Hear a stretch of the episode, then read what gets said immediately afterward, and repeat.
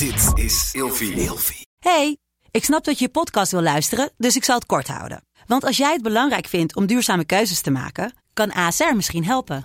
Nou hoor ik je denken, hoe dan? Nou, bijvoorbeeld bij het duurzaam herstellen van schade. Of de premies die we beleggen volgens ons duurzaam beleggingsbeleid. Dat bepaalt waar we wel en juist niet in investeren. Wil je meer weten over welke duurzame keuzes ASR maakt? Ga dan naar asr.nl slash duurzame keuzes. ASR doet het. Zo, dan kan je nu lekker naar je podcast luisteren. Altijd, ik heb stress eigenlijk altijd wel als een uitdaging ervaren. En ik, met, met, met een instelling van, ik ga er gewoon blind in en ik zie wel waar het schip strandt, eh, je, eh, Ja. instelling. Ja.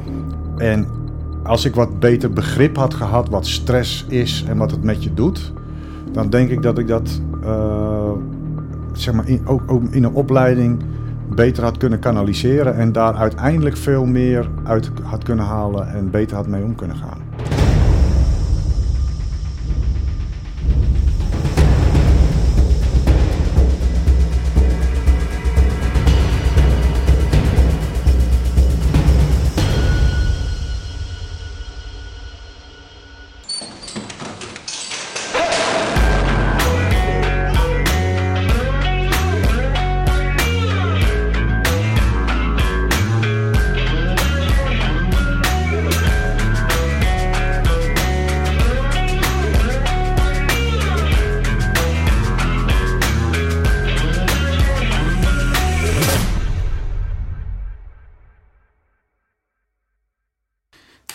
Poepetjes kunnen los.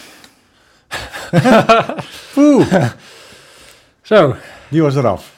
de kop is eraf. Kop is eraf. Gisteren zijn wij eh, live gegaan eh, op YouTube met, een, Geweldig. met enige vertraging. Want eh, deze novice die had de limiet van 15 minuten niet uitgezet. Dus het uploaden was, was iets laat. Maar om half negen waren we live. Toen begon het. Toen, toen begon het. Ja. Gelukkig was ik, eh, ben ik niet zo, eh, zo eh, sociale media geniek. Maar jij wel. Dus jij krijgt alles over je heen. ja. Ja, nou in dit geval moet ik zeggen dat dat, dat, dat niet vervelend was. Ik ben ehm, ja, blij verrast van alle, alle positieve berichten die ik kreeg. Echt super tof. En ehm, ja, gewoon echt allemaal jonge gasten, eh, maar ook oudere gasten die al veel ervaring hebben van en alles wat er tussenin zat. Hebben we reacties gehad van, ehm, en de rode lijn daarin, wat ik heel erg tof vond, was dat het in ieder geval gewaardeerd wordt dat wij open en eerlijk hier ehm, ja, ons verhaal delen. ja. Hadden we dat maar eerder geweten. Hè? Ja, Het wordt gewoon gewaardeerd. ja. ja, ik moet zeggen dat dat, dat voor ons wel eh, spannend was. Voor ons was, ehm, en misschien voor mij wat meer dan voor jou, tenminste. eh, Nee, ik vond het ook spannend. Ja. Absoluut. Ja. ja, ik merkte de dag daarvoor van, eh, wow, eh, best wel, ehm, ja, het voelde gek om op deze manier hier te gaan zitten en dan dat zo eh, online te gaan zetten. Eh, met name eh, misschien ook wel omdat we toch wel uit een wereld komen waarin dat niet zo heel erg normaal is. Om op die manier eh, te praten met elkaar en, eh, Ja. en dan al helemaal niet om eh, dat soort dingen te delen. Nee. Dus ehm, daarom was het eh, misschien spannend. Maar gelukkig eh, zijn we wel gewend om met spannende dingen om te gaan. Alleen was dit weer op een iets andere gradatie. Hè? Ja, het voelde weer net alsof je je aan het klaar was maken, aan het maken was voor een instap. ja. ja, heerlijk gevoel. Heerlijk om dat weer even te voelen. Zo. Ja. Maar goed, we hebben een nieuw onderwerp. Want eh, het is een podcast, het is een soort bibliotheek van allerlei onderwerpen die zich, eh, die zich opvolgen. Ja. En eh, een beetje in de lijn van de vragen die, ook, die er ook gesteld werden naar aanleiding van onze eerste podcast. Ja, hoe, hoe, hoe gaat die weg richting een arrestatieteam nou eigenlijk precies?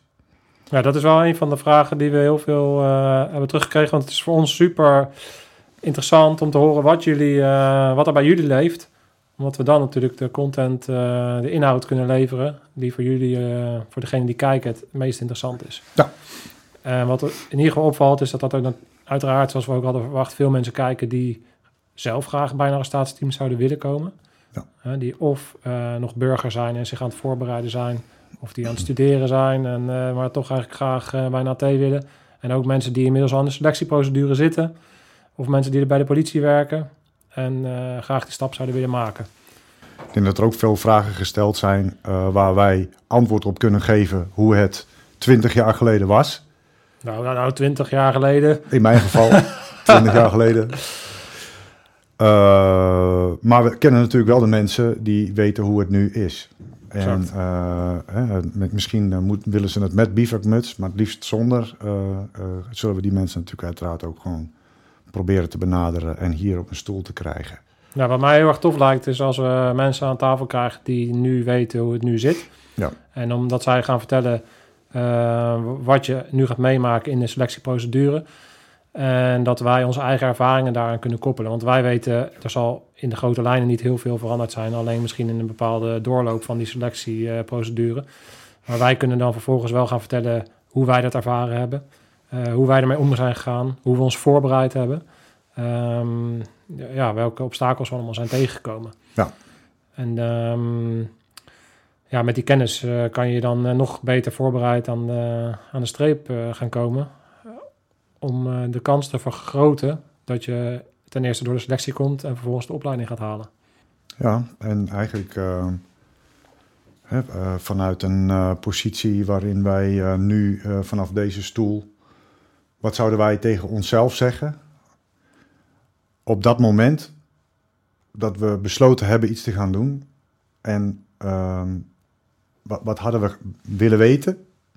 Wat nodig is om het nog beter te, te krijgen en, en, en, nog beter te beleven?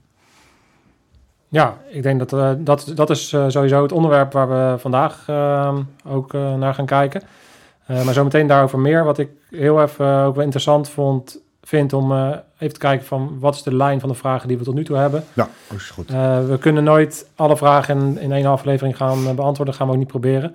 Maar we krijgen wel alles wat jullie opsturen, of via Instagram, via de mail, via YouTube. Um, dat noteren we en daar gaan we mee aan de slag. We gaan de juiste gasten zoeken, we gaan daar programma's, afleveringen aan uh, wijden. Um, zoals gezegd zijn, is de rode lijn heel vaak van uh, hoe kom je nou bij NAT en waar, hoe moet je daarvoor trainen. Wat ik een hele leuke vraag vond was ook hoe kan je jezelf trainen voor de stress die je gaat voelen mm -hmm. tijdens een selectie. Uh, verder kregen we ook veel vragen over uh, hoe ga je om met collega's, hoe ga je om met het thuisfront, hè, de druk van, van een zware baan hebben binnen een AT. Uh, en vervolgens een thuisfront, hè, die, die, ja, die ja. dunne lijn. Ja. Het is niet voor niks dat er, dat er een hoog aantal het, het, het mensen die gescheiden zijn, die in een gescheiden situatie zitten bij het AT, is waarschijnlijk percentueel gezien hoger dan, een, uh, dan als je bij een normaal bedrijf gaat kijken. Denk je niet? Nou, het is, dat, dat, ja, het is, dat zou kunnen. Het is in ieder geval echt een enorme belasting voor je sociale leven. Ja. Dat moet je je bewust zijn. En uh, ik denk dat, dat je relatie daar tegen moet kunnen. Ja. En als je een thuis hebt, hè, dus een gezin, en, en, en dan is de, de situatie thuis uh, uh, van essentieel belang om überhaupt goed te kunnen functioneren. Ja. Als je met, met, met zorgen over thuis uh, rondloopt tijdens acties, dan zul je toch altijd iets minder scherp zijn op, op wat je moet doen. Dus ik denk dat het ook heel goed is om, een, om, om, om daar altijd een goede vinger op te hebben. En ervoor te zorgen dat die thuissituatie klopt. Maar het is waar, het is een enorme belasting voor je privé. En, en ja, niet elk huwelijk kan daar tegen. Nou ja, sterker nog, ik zal daar, uh, als we op het onderwerp in een andere aflevering verder ingaan, uh, zal ik ook mijn eigen ervaringen daarover delen. Ik ben zelf ook gescheiden. En ik, ehm, eh, sterker nog, dat is ook een van de redenen geweest waarom ik überhaupt weggegaan ben. Ehm, naast dat ik graag ondernemer wilde worden en mezelf verder wilde, wilde ontwikkelen, ontwikkelen, ben ik ook vader geworden. Rond hetzelfde moment dat ik weggegaan ben bij de mariniers. Um, en ik was ook gescheiden. dus ik ben uit elkaar gegaan toen ik uh, net vader was geworden. En dat, heeft, dat is een situatie waarbij dat eigenlijk onmogelijk is. Want ik wilde geen vader zijn die er niet was voor zijn dochter. dus ik heb ervoor gekozen om er wel te zijn voor mijn dochtertje. Ik heb een co-ouderschap, 50-50, dus ik kan er nu echt zijn als vader. En dat, maar in een gescheiden situatie een baan werken, zoals bij het AT of bij de Mm, mariniers, dat ja. is iets wat je niet moet willen en niet, wat ook niet kan. Dus je, je moet wel heel goed nadenken over ehm, wat is mijn thuissituatie nu? Hoe ga ik om met ehm, de druk die er op mij komt te liggen ten opzichte van een, eh, van een vriendin, een vrouw, eh, kinderen, familie, vrienden. En Want daar komt druk op te liggen. En ik denk dat als jij daar meer zelfbewust instapt vanaf, een, vanaf, een begin, vanaf het beginpunt, dat de kans dat jij niet diegene bent die in een scheiding komt te liggen ehm, groter is. Ja, en, eh, eh, waar het gevaar heerst, hè, in de vorige aflevering hebben we over gedrevenheid. Ik denk dat je in een team komt waar, waar iedereen enorm gedreven is en eigenlijk iedereen altijd wel wil werken. Hè, je bent bang om iets te missen. En eh, dat, dat creëert een, een, eh, een idee alsof er nooit ruimte is voor een eigen privéleven naast het leven van een AT. En eh, ik denk dat dat voor velen van ons een valkuil is geweest. Hè, die ruimte die is er altijd geweest. Ik denk dat je bij een AT makkelijker je vrije tijd in kunt plannen als bij een andere baas of op een andere afdeling. Eh, er was altijd ruimte om eh, vrij te kunnen krijgen of uit de piket te gaan of even in de tweede piketserie Ja. eh, te komen. Ja. Daar was altijd ruimte voor. Er werd altijd onderling wel geregeld dat dat soort zaken mogelijk waren. En, en niet iedereen maakte daar ehm, evenveel gebruik van. Ja. Eh, Ik zelf in Kluis, ik wilde ook altijd werken. Ik had altijd piket, voor mijn gevoel. Hey, maar voordat we dit eh, onderwerp eh, volledig gaan uitdiepen, Ja, en we glijden alweer gigantisch af. de rode lijn. Je hoort, al, je hoort al dat we van alle onderwerpen die jullie aandragen, kunnen wij van alles vertellen. En Ja. willen we ook graag alles eh, vertellen, omdat we daarmee hopen dat we jullie ehm, ja, kunnen inspireren, helpen, onze ervaring kunnen delen, waardoor je, we jullie, jullie misschien kunnen behoeden om fouten niet te maken die wij wel hebben gemaakt. Waar we het vandaag over gaan hebben, is ehm, onze weg naar een arrestatieteam. Ehm, en wat we tegen onszelf zouden zeggen, eh, nu, 20 jaar later, Ja. eh, naar toen wij, voordat we aan die eh, weg begonnen. En om even een onderscheid te maken, we zeggen arrestatieteam. Ik heb zelf niet de, de AT-opleiding gedaan. Ik ben zelf marinier geworden. En daarna heb ik me gespecialiseerd door de Maritime Special Forces Operator opleiding te gaan doen. En dat was een opleiding van 43 weken. Ehm, waarbij ik in essentie ben opgeleid tot Special Forces Operator. Met name op het eh, maritieme domein. Mhm. Ehm, en vervolgens heb ik een gespecialiseerde module gedaan, eh, de BBE-opleiding. Ehm, de zwarte module noemen ze dat dan.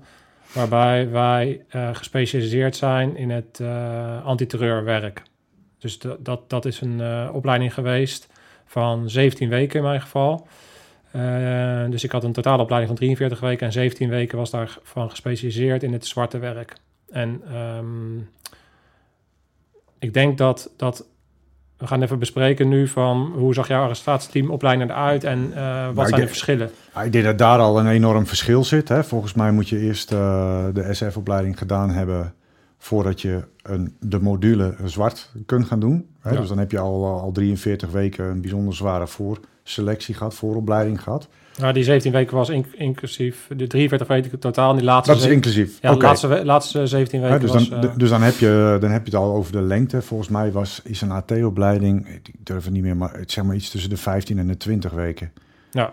Dus dat is al een enorm verschil. Maar dat is dus vergelijkbaar. Die zwarte module is dus vergelijkbaar Ja. met, met een AT-opleiding. Alleen vermoed ik dat de, de inhoud iets anders was. Dus ik ben even benieuwd van eh, wat zat, welke onderdelen zaten daar in de arrestatieteamopleiding? En welke onderdelen zaten er bij mij? Kunnen we even kijken wat het verschil is? Nou, Zo'n AT-opleiding, in die tijd eh, kon je hem zeg maar ehm, eh, onderverdelen in drie eh, onderwerpen. Eh, je hebt de procedures, je hebt het schieten en je hebt ehm, eh, aanhoudingsvaardigheden. Ja. Zeg maar het, eh, het knokken, de, eh, hoe, hoe, hoe moet je een verdachte onder controle krijgen, et cetera, et cetera. Ja. En, en, en daar ook aan gekoppeld het fysieke stuk. Dus die drie onderwerpen, daar kun je het in verdelen. Schieten is uiteraard ontzettend belangrijk. Dus dat, daar krijg je een hele uitgebreide, uiteenlopende opleiding in. In allerlei verschillende situaties met verschillende wapensystemen uh, leer je daar schieten, omdat je die nodig hebt in je werk. En uh, voor de fun daarbuiten leer je ook nog heel veel onbekende wapensystemen kennen. omdat de kans aanwezig is dat je die in, je, in, je in de praktijk tegenkomt. En dan moet je weten wat het kan en hoe je ermee om moet gaan. Procedures zijn onderverdeeld in, in eigenlijk een aantal. Je hebt procedures in een pand. Dus een verdachte is uh, in een, uh, een, bebouwde omgeving en die moet eruit getrokken worden. Uh, een verdachte is rijdend in een voertuig en moet uit het voertuig aangehouden worden. Of een verdachte is gewoon vrijlopend ergens op straat en, en moet aangehouden worden. Nou, die drie procedures die zijn weer onderverdeeld in verschillende facetten. Ja. En al die facetten die komen aan bod. Nou, zijn er ook nog een aantal ehm, eh, extra modules uh, waar ik niet heel veel over kun, kan vertellen, omdat die simpelweg geheim zijn.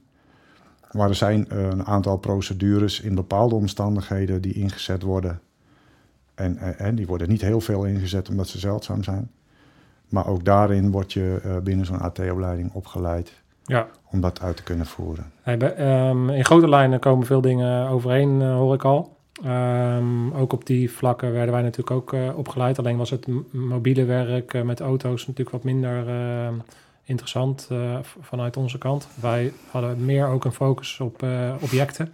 Dus wij keken inderdaad niet alleen naar gebouwen, maar we keken ook naar massa transportmiddelen en bijvoorbeeld booreilanden. Het mhm. maritieme domein was natuurlijk, speelde natuurlijk mee. Hè? Dus ja. Dus daar zat ook uh, een stukje verdieping in. En ik denk dat daar wat uh, bij ons ook een, uh, een, laag zat, wat ons natuurlijk onderscheidt ten opzichte van een arrestatieteam, is dat je bij, bij de Marshof, dat je daar het grootschalig en complexe terreurbestrijding doet. En dat, daar komt een stukje meer coördinatie bij kijken, omdat, het met, omdat je met veel meer operators en ook met meer enablers, zoals dat heet, dus uh, specialisten zoals scherpschutters. Of, ja, ja, veel meer ondersteuning dan. Ja, meer, meer ondersteuning. Dus daar, daar, daar zit ook wat, uh, op dat gebied al wat meer, uh, komt daar wat meer bij kijken. Op, op meer, op een, ja. Het is anders. Het is anders. Ja. Maar zeker meer. Ik bedoel, die organisatie is natuurlijk veel complexer. Hè, een AT eh, bestaat uh, maximaal uit, uh, een team bestaat maximaal uit negen man. Ja. En dat is makkelijker aan te sturen dan nou ja, ja, simpel. En soms heb je wel eens instappen waarin de verschillende teams simultaan naar binnen moeten gaan.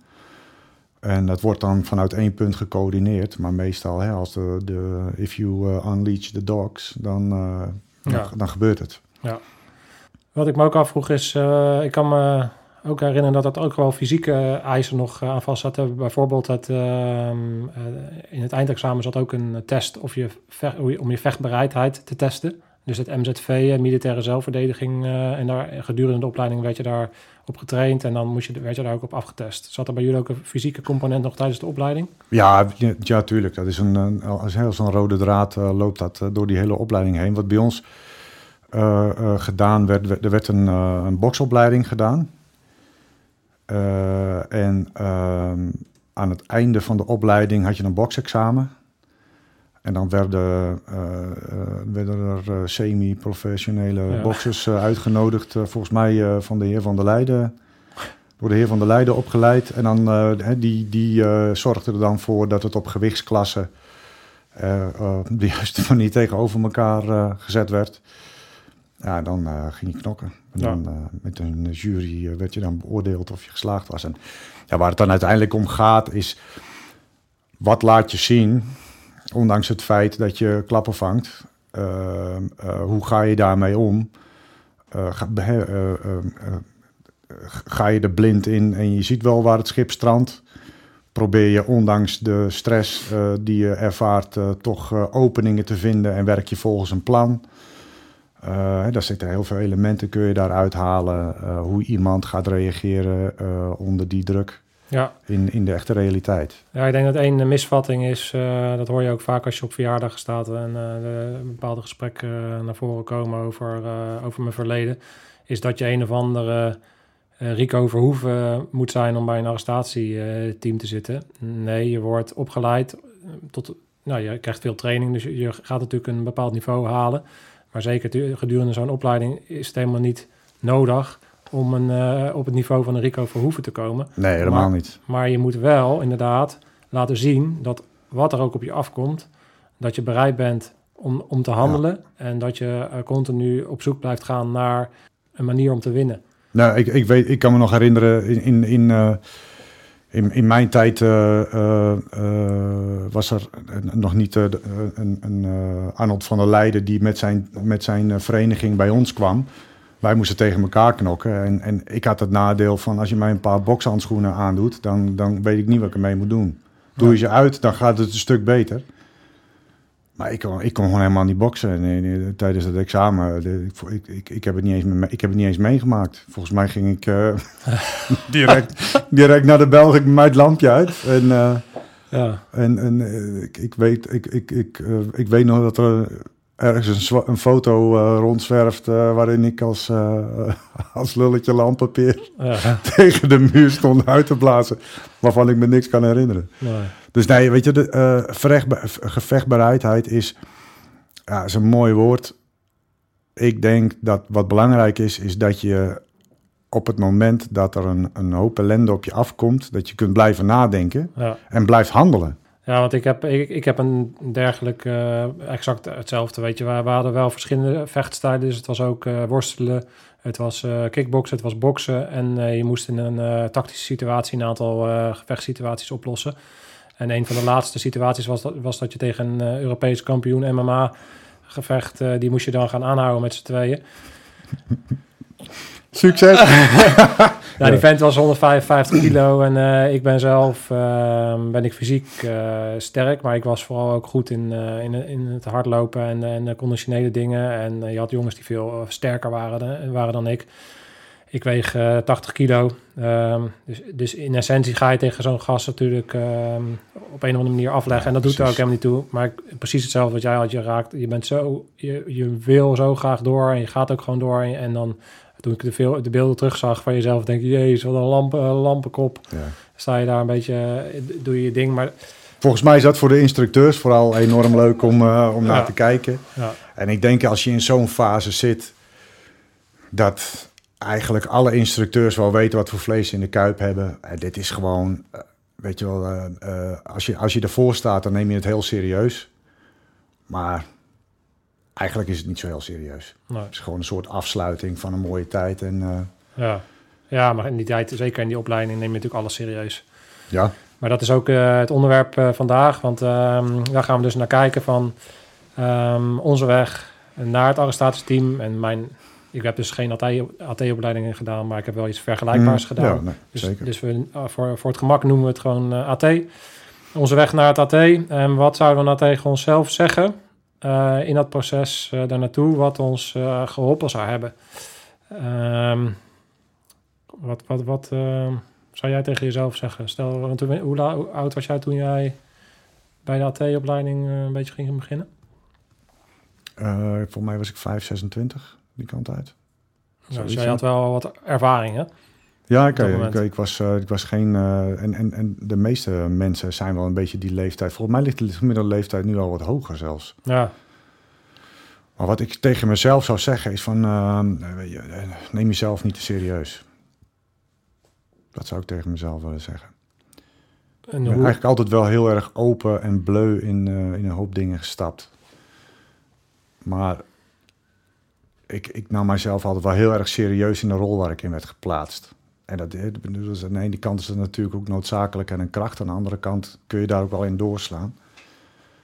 En Oké. ik denk, Kan je iets concreets bedenken dan wat je dan eh, bedoelt? Kan je situaties eh, voor de geest halen waarin je achteraf gezien hè, dat je denkt van ja, als ik daar wat milder eh, mee om was gegaan of mezelf minder serieus had genomen, dan ehm,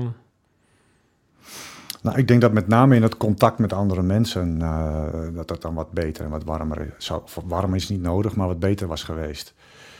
Ik denk dat ik, eh, en de, die, dat commentaar dat kreeg ik wel vaker, dat ehm, ik, ik denk op de een of andere manier heel snel en handel ook direct. En daardoor eh, begrijpt niet iedereen wat je aan het doen bent. En dan krijg je een rare bijnaam. wat was jouw bijnaam dan? crazy. Ja. Nee, maar ik denk dat eh, ehm, eh, ik, ik ben altijd heel erg serieus ingegaan. Ik trok mijn dingen altijd zelf persoonlijk heel erg aan. Ja. En ik denk niet dat dat nodig is. Ik denk dat ik wat meer ervan had kunnen genieten. ehm, eh, dan, va- zeg maar, vanaf het, uit- uit- uit- Ik zeg het nu verkeerd. Ik denk dat ik dan vanaf het begin af aan ook in zo'n opleiding meer had kunnen genieten. Ja. Dus ik heb die opleiding altijd eh, eh, eh, heel erg serieus genomen. En, en dat is natuurlijk ook op een bepaalde manier noodzakelijk. Maar je moet ook, hè, we hebben het al in de vorige opleiding gehad, zoals de Engels het zeggen. Ja. Je moet er ook om kunnen lachen. Ja, nou, het is natuurlijk weer grappig dat, en ik ben ook wel benieuwd hoe dat dan bij anderen zit uit ons netwerk. Zouden we eens even moeten navragen, want ik heb exact hetzelfde. Als ik tegen mezelf iets zou zeggen, van, van toen ik eh 22 was en ik aan eh, een opleiding eh, begon, inderdaad van neem het allemaal niet te serieus en vooral jezelf niet en eh, geniet er meer van dan dat ik heb gedaan. Dus het is wel interessant om te zien dat wij dat allebei hebben. En is het dan wel mogelijk om op dit niveau eh, te komen, zo'n gedrevenheid te hebben, die je ook nodig hebt, zoals we in de eerste aflevering hebben besproken, om eh, daar te komen, hè, om, om op die moeilijke momenten eh, door te zetten en tegelijkertijd jezelf niet te serieus te nemen. Ik zag wel mensen die dat wel konden. Dus het kan. Ik zag mensen die daar in ieder geval ogenschijnlijk makkelijker mee omgingen en meer relaxed met zichzelf eh, zaten en met, met in de opleiding. Heb jij dat ook? Heb jij ook andere mensen gezien die, die wel meer genoten dan jij? Mm, nou, ik vind het lastig om dat te beoordelen, maar ik heb wel mensen gezien die, dan, die daar meer relaxed in hebben gezeten. Ik heb ook mensen gezien die er veel meer, met veel meer stress in zaten. Ja, Dus ik heb het van beide kanten gezien. Maar ik zou, ik zou voor mezelf daar wat. wat, eh, eh, ik zou tegen mezelf zeggen: van joh, weet je wat, take it easy. Weet Ja. je wel, doe alles wat je kan. En als je dat gedaan hebt, geniet ervan. ja. Maar hoe kan je dat concreet maken? Stel, stel jij bent dan, je, je hebt het nu tegen jezelf, eh, je bent eh 25. Hoe zou, hoe zou je dat... Dat, concreet, maar nou, als je kijkt naar zo'n opleiding, zo'n opleiding is in feite 24 uur per dag niet weten wat er gaat gebeuren. Eigenlijk continu klaarstaan voor dat wat komen gaat. Dus in feite is zo'n opleiding het begin, zeg maar de sfeer waarin je die, die opleiding krijgt, is het begin van je AT-carrière. Als jij eh 24 uur per dag continu bezig bent met klopt alles wel, eh, eh, hebben we alle, alles op orde, eh, zijn de voertuigen verzorgd, is dit verzorgd, dat verzorgd. En je bent continu in spanning eh, aan het wachten op de volgende opleiding. Ja, dat, dat, dat, dat, dat hou je niet vol. Maar toch heb ik dat zo ervaren. ja. Dus, dus, dus, nou ja, ik weet niet hoeveel weken lang altijd bezig zijn met je opleiding. Ook al krijg je geen opdracht. Ook al kun je gewoon in feite gewoon op je rek liggen en eh, niks doen. Maar dat vind ik wel moeilijk, want ik, dat is namelijk een eigenschap die ik nog steeds heb. En die, eh, dus, dus dat je altijd, ook al heb je niks te doen, ga ik nu nog steeds niet op mijn rek liggen, maar ga ik kijken van wat, en ik vind altijd wel wat om te doen. En dus ik vind het best wel lastig, omdat aan de ene kant zeg ik van ja, je kan er wat relaxter mee omgaan, maar aan de andere kant is dat een van, vind ik, denk ik dat dat een van de belangrijkste eigenschappen is eh, binnen, binnen een AT werken, is dat je altijd het werk ziet en de gedrevenheid hebt om de dingen beter te maken, ook al is er niemand die daarom vraagt. Ik ben, met, ik ben het met je eens, maar dan, dan wel veel meer vanuit een, eh, vanuit een bepaalde ontspanning. Het kan niet zo zijn dat die druk voortdurend op de ketel staat. En, en, en eh, hè, didactisch gezien is dat ook onmogelijk. Omdat je nu eenmaal een bepaalde vorm van rust nodig hebt om ook ontwikkeling te kunnen creëren binnen een didactisch programma. Ja, Dus die druk die kan nooit altijd eh, eh, hoog zijn. En, en ik heb dat in die opleiding wel zo ervaren. ja, En dat vind ik jammer, want dan had je in zo'n opleiding veel meer fun kunnen hebben ook. Want die, ik heb lol gehad in die opleiding. ja zeker. Maar ik heb daar niet in alle vrijheid van kunnen genieten. Omdat je altijd in je achterhoofd hebt van... Wacht, die telefoon die kan gaan. We kunnen zo de volgende opdracht gaan, eh, krijgen. En dan moeten we er weer 100% voor gaan. Want het zijn zo'n opleiding, word je voortdurend bekeken. En dat gevoel heb je ook heel sterk. Ja, Hey, je kunt elk moment eh, kun je eruit gehaald worden... omdat ze vinden dat je te vaak bepaalde fouten maakt... en, niet, eh, en daardoor niet geschikt bent. ja. Ja, dus waar, komt, waar denk je dan dat dat dan vandaan komt dat je daar je zo druk om maakt? Heeft, dat dan te ma- heeft het dan ook wel iets te maken met een soort van een bepaalde mate van zelfbewustzijn? Want als, ik kan me voorstellen, als ik nu zo'n opleiding in zou gaan, dat, ik, dat je daar misschien al iets relaxter in zou staan dan toen je jonger was. maar dat, dat is natuurlijk heel moeilijk, omdat je, ja, je had die ervaring nou eenmaal niet, dus je moet Ja, die ervaring ja. ook opdoen. Dus hoe reëel is het dat je daar relaxter in zit? Ondanks dat dat natuurlijk best advies is wat je kan geven, hoe reëel is het dat je daar relaxter mee om had kunnen gaan? Nou, ik denk weinig reëel. Ik, ben, eh, ben, ik, ik denk dat ik ook heel erg perfectionistisch ben. En, en faalangstig ben ik niet, maar ik heb wel een bepaalde mate van onzekerheid. Dus je loopt daar, eigenlijk loop je ook wel continu met het gevoel rond van ja, doe ik het eigenlijk wel goed? Of Ja. goed genoeg? Ja, het, een beetje het gevoel alsof je continu door de mand kan vallen. Ja. Ken je dat? Ja. Met, met name in, in periodes waarin er weinig feedback gegeven wordt over je functioneren. Ja. Of, En die zijn er genoeg tijdens een opleiding. Want je wordt de hele, de hele tijd een beetje in het gewis gelaten. Ja, je krijgt wel feedback, maar er zijn eh, hele periodes dat je... geen feedback krijgt. Nee, en dan eh, zie je alleen maar eh, Norse gezichten. Ja. En dan, is het, heb je, dan is het voor je gevoel nooit goed. Nee, Dat is het wel. Hè? Ik, heb, ik heb zelf ook instructie en opleidingen gegeven. Maar dan is het meer het spel van oké, hoe functioneer je? Als je eigenlijk niet weet of je functioneert. Wat doe je van jezelf? Hoe organiseer je jezelf? Eh, wat is jouw beste eh, resultaat? dus eigenlijk, hè, als je dat dan eh, allemaal een beetje samenvat, waar het op neerkomt, ja, sta daar relaxter in. En dat zou je kunnen bereiken door meer het vertrouwen in jezelf te hebben. Dat je, het, dat je alles geeft en dat alles ook dan eh, goed genoeg is. Dat je, dat je een soort van hebt van, ja, weet je, ik weet wat ik kan, ik weet wat ik geef. Ehm, dus ook, dus ik kan wel gewoon op de momenten dat het kan wat meer ontspannen, want ik weet dat het, dat het genoeg is of zo. Nou ja, ik zou dat nu tegen mezelf zeggen. Ja. Aan de andere kant kun je ze ook, ook de vraag hardop stellen van... oké, als je er dan op een andere manier had ingezeten... was je er dan op dezelfde manier uitgekomen? Ja, dat, is- dat, dat is wat ik bedoel. Van, eh, in hoeverre is Ja. het mogelijk wat je zegt? In hoeverre kan je daar Ah, ik, denk dat het, ik denk dat het heel, heel wel mogelijk is. Ik denk als jij echt gewoon weet van alles is gedaan... alles staat klaar voor de volgende opdracht, laat maar komen. Ja. En in de tijd na de volgende opdracht kun je gewoon genieten... van de momenten die je met elkaar hebt... en, eh, en eh, een beetje uh, Ja. Nou, weet je wat ik heel... en slappe hoeren. Weet je Dat wat heb ik, ehm, ja, dat, dat, ja, wij waren allemaal, we, we, sto- we, we- je steekt elkaar ook een beetje aan in die, in die spanning. Ja, dat is ook zo. Ja. Ja, nogmaals, wat ik in aflevering 1 ook al terughaalde van de Engelsen, wat ik daarin wel tof vond, was dat degene die best man opleiding werd, dus die door het kader gezien werd door, eh, als, als degene die het het best had gedaan, was niet degene die de snelste tijd had gelopen op eh, de commandotesten. Ehm was niet degene die, eh, die, altijd de beste resultaten haalde op allerlei testen of, dergelijke, of iets dergelijks.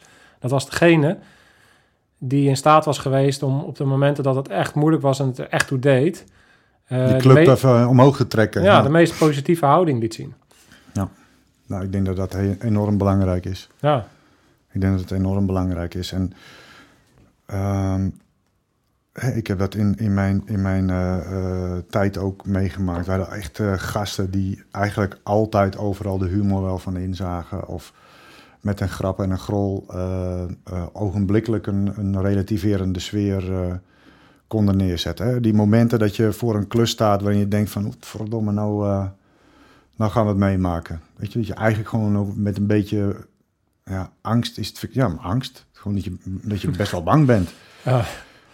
Omdat je absoluut niet weet hoe dit ehm, eh, gaat aflopen. En, en, en wat er ook gebeurt als die deur open gaat, ga je naar binnen. ja, Hè, dat iemand dan in de bus, terwijl je in spanning zit te wachten op het moment dat je eh, eruit moet om die verdachte te pakken. ah, weet je wel, gewoon een opmerking maakt waarin je eventjes zo van, oh, oké, boem. ja, Hè, zonder dat de scherpte er vanaf gaat. ja.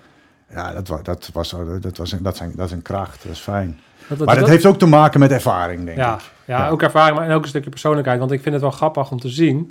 Daar had ik het laatst over. Bij Hellshooter zetten we eigenlijk mensen ook in een... eh, ja, geven we hun een bepaalde beleving... die voor hun weer spannend is. Hè? Als, je, Ja. als, als, je, als je dat nog nooit hebt gedaan... en je gaat dan zo'n Special Forces beleving in... dan zie je daar ook bepaalde dingen terug die ik herken uit eh, wat je net vertelt. Is dat er sommige mensen zijn. Dus het moment, de stilte voor de storm noem ik dat altijd. Hè? Dus dat is zo'n moment dat je dus vlak eh, voordat je zo'n instap ingaat. Dat je, je hebt mensen die keren een beetje in zichzelf.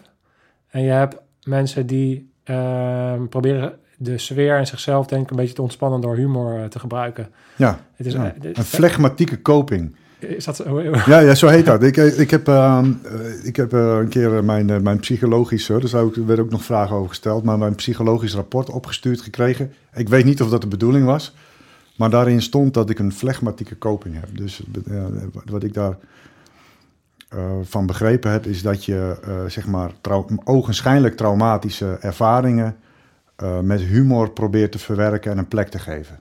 Ja. ja, dat is wel grappig, want ik denk dat...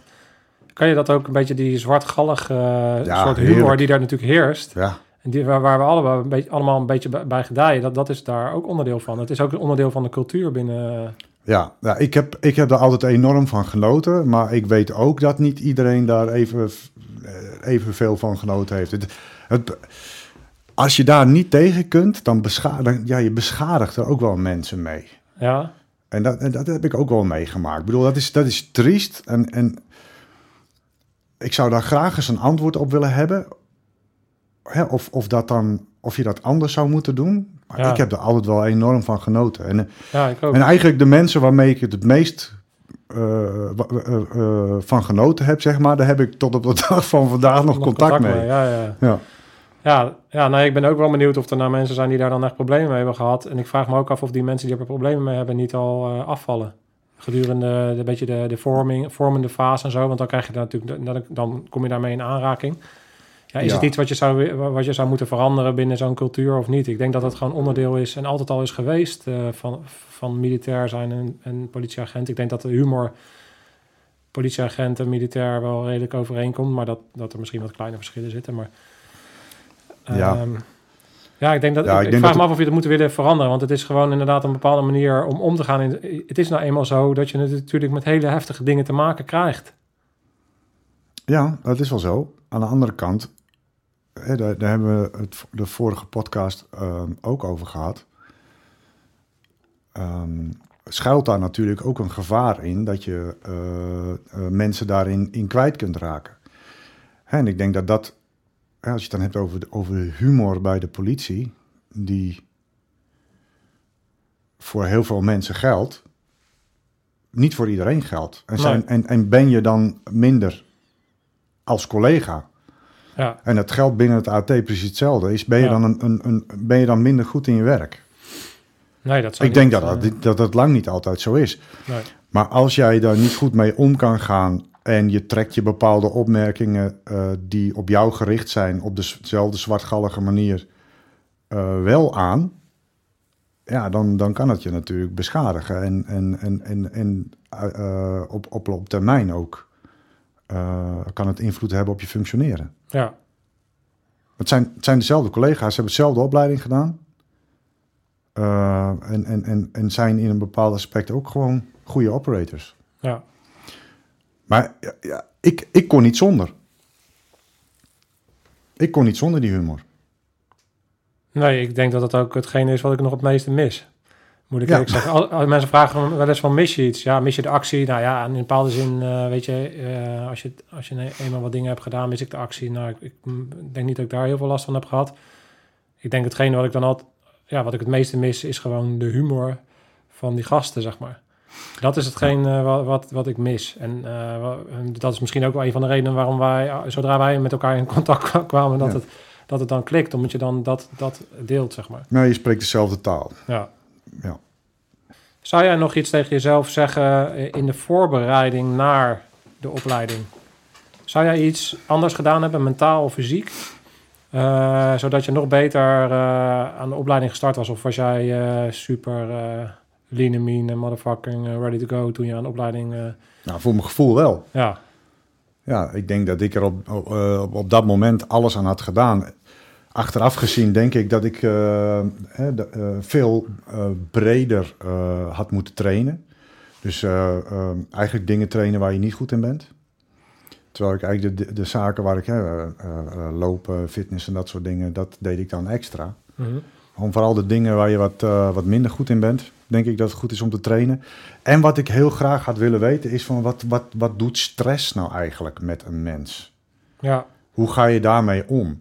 En ik heb het altijd, ik heb stress eigenlijk altijd wel als een uitdaging ervaren. En ik, met, met, met een instelling van, ik ga er gewoon blind in en ik zie wel waar het schip strandt, eh, je, ehm, Ja. instelling. ja, En als ik wat beter begrip had gehad wat stress is en wat het met je doet, dan denk ik dat ik dat eh, zeg maar in, ook, ook in een opleiding beter had kunnen kanaliseren en daar uiteindelijk veel meer uit had kunnen halen en beter had mee om kunnen gaan. ja ik denk ehm, heel erg fysiek alleen al.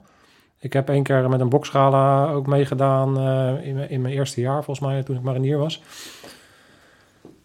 En toen merkte ik ook, ehm, dan ben je op een bepaalde manier fit. Je hebt getraind, dus je weet wat je kan. Je weet dat je makkelijk eh, drie rondes kan trainen. Maar zodra je dan een wedstrijd gaat vechten, dan kom- komen daar dingen los. En dan is jouw, eh, wat ik merkte, is dat mijn fysieke gesteldheid eigenlijk eh, factor eh, 0,5 was ongeveer. Ja.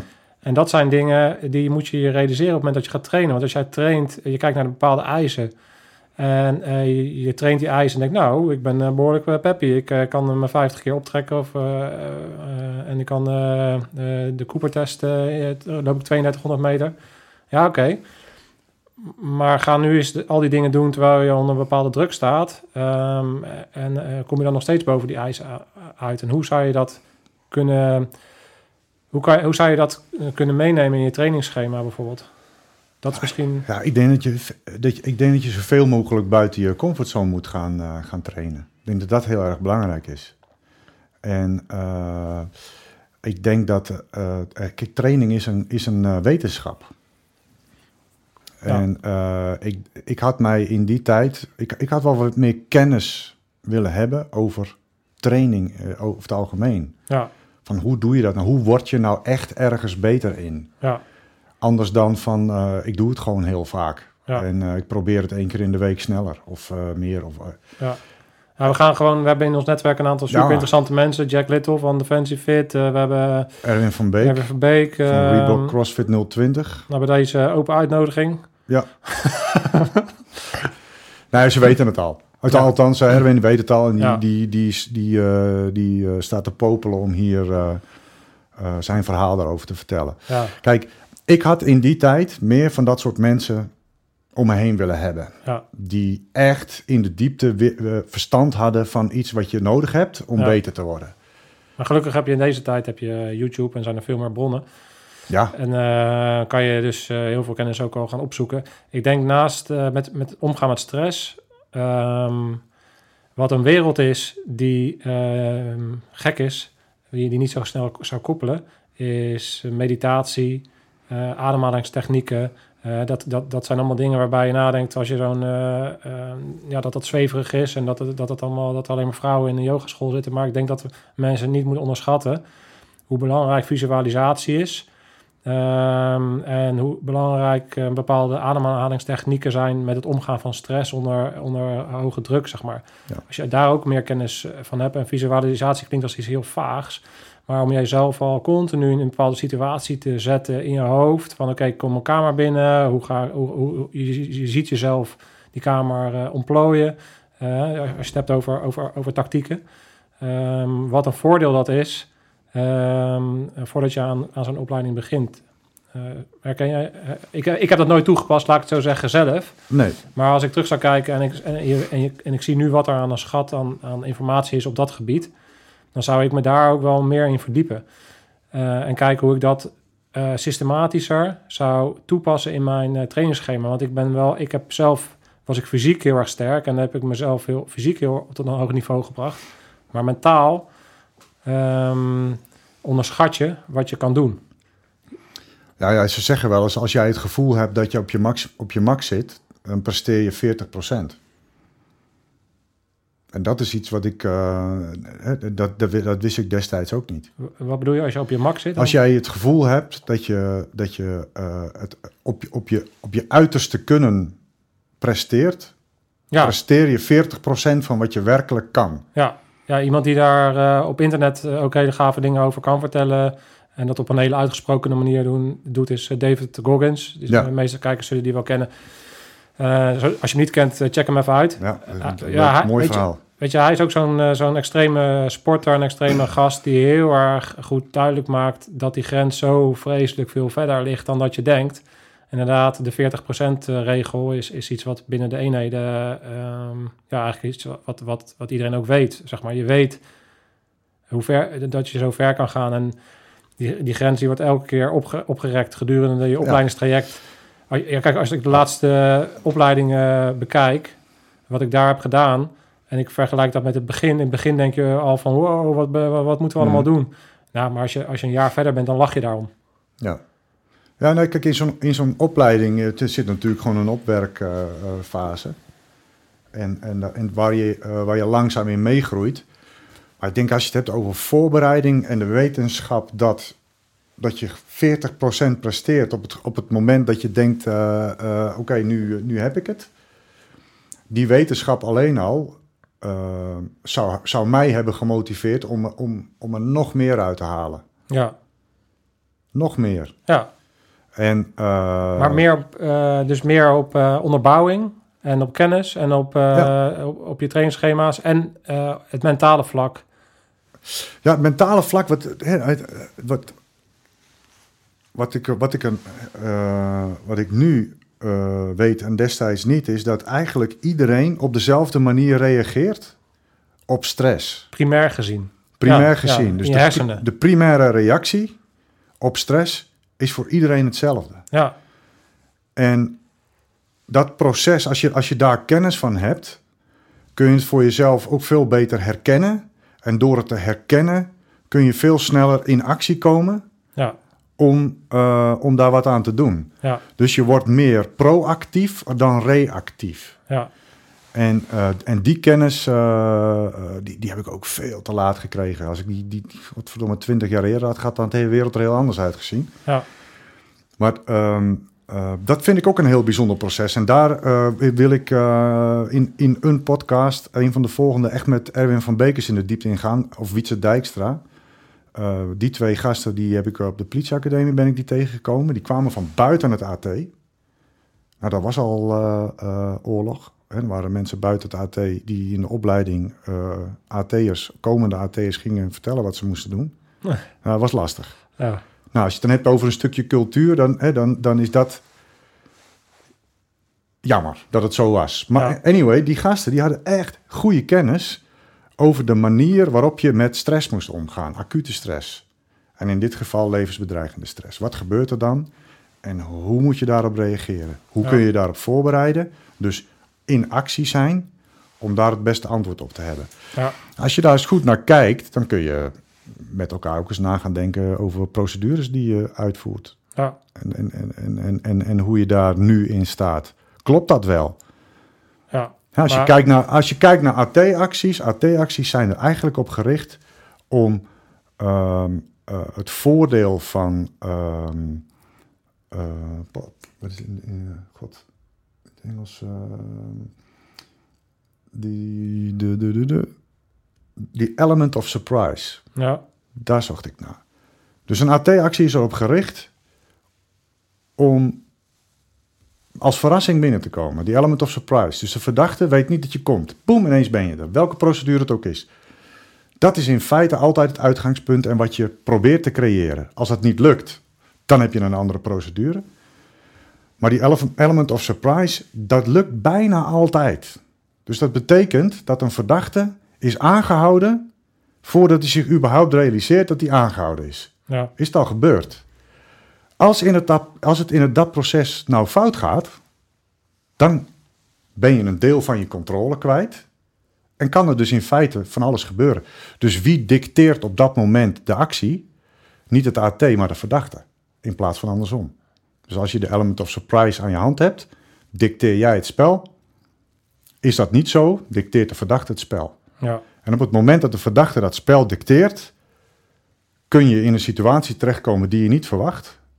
En dan gaat iedereen in eerste instantie primair reageren. En die reactie is bij iedereen hetzelfde. Maar jouw procedure die hoeft daar niet direct op aan te sluiten. Dan gaat het fout. ja. Nou, die, die wetenschap die had ik ook graag willen hebben voordat ik aan die opleiding begin. Ik denk dat Wat doet stress met je? ik denk dat het ook niet, eh, niet alleen maar eh, interessant is voor, voor als je binnen een AT werkt, maar als je, als je een conducteur bent, of je bent een hulpverlener, of je bent een politieagent, Ja. je bent een militair, je werkt in de gevangenis. Of ben je kassa, juffrouw bij de Albert Heijn? Ja, weet je, dat zijn, nou ja, maar goed, in ieder geval beroepen waarop de kans eh, groter is dan een normale job, waarbij je dus in situaties komt waar die levensbedreigend kunnen zijn. Nou. Dus daar gaan we, ja, super interessant Mhm. om eh, daar verder op in te gaan. Hey, we gaan zo ehm, deze aflevering eh, weer even ehm, een, beetje, een beetje afronden. We hebben Is het super, alweer zover? ja, het gaat echt eh, mega snel. Ja. Volgende week eh, zijn we er weer. We zijn eh, wederom super benieuwd eh, hoe jullie dit ervaren. St- stuur suggesties, stuur jullie, jullie gedachten. Zodat we gasten kunnen uitnodigen die daarop aansluiten. Zelf de onderwerpen kunnen aansnijden die, we, die daarop op aansluiten. Ehm, ja, top. Ja, ik, ik ben heel benieuwd weer naar de reacties. En wij, wij gaan weer aan de slag met de volgende. ja toch? Zo is dat. Leuk! Gaan we doen. Top. Scherpschutters. Volgende week.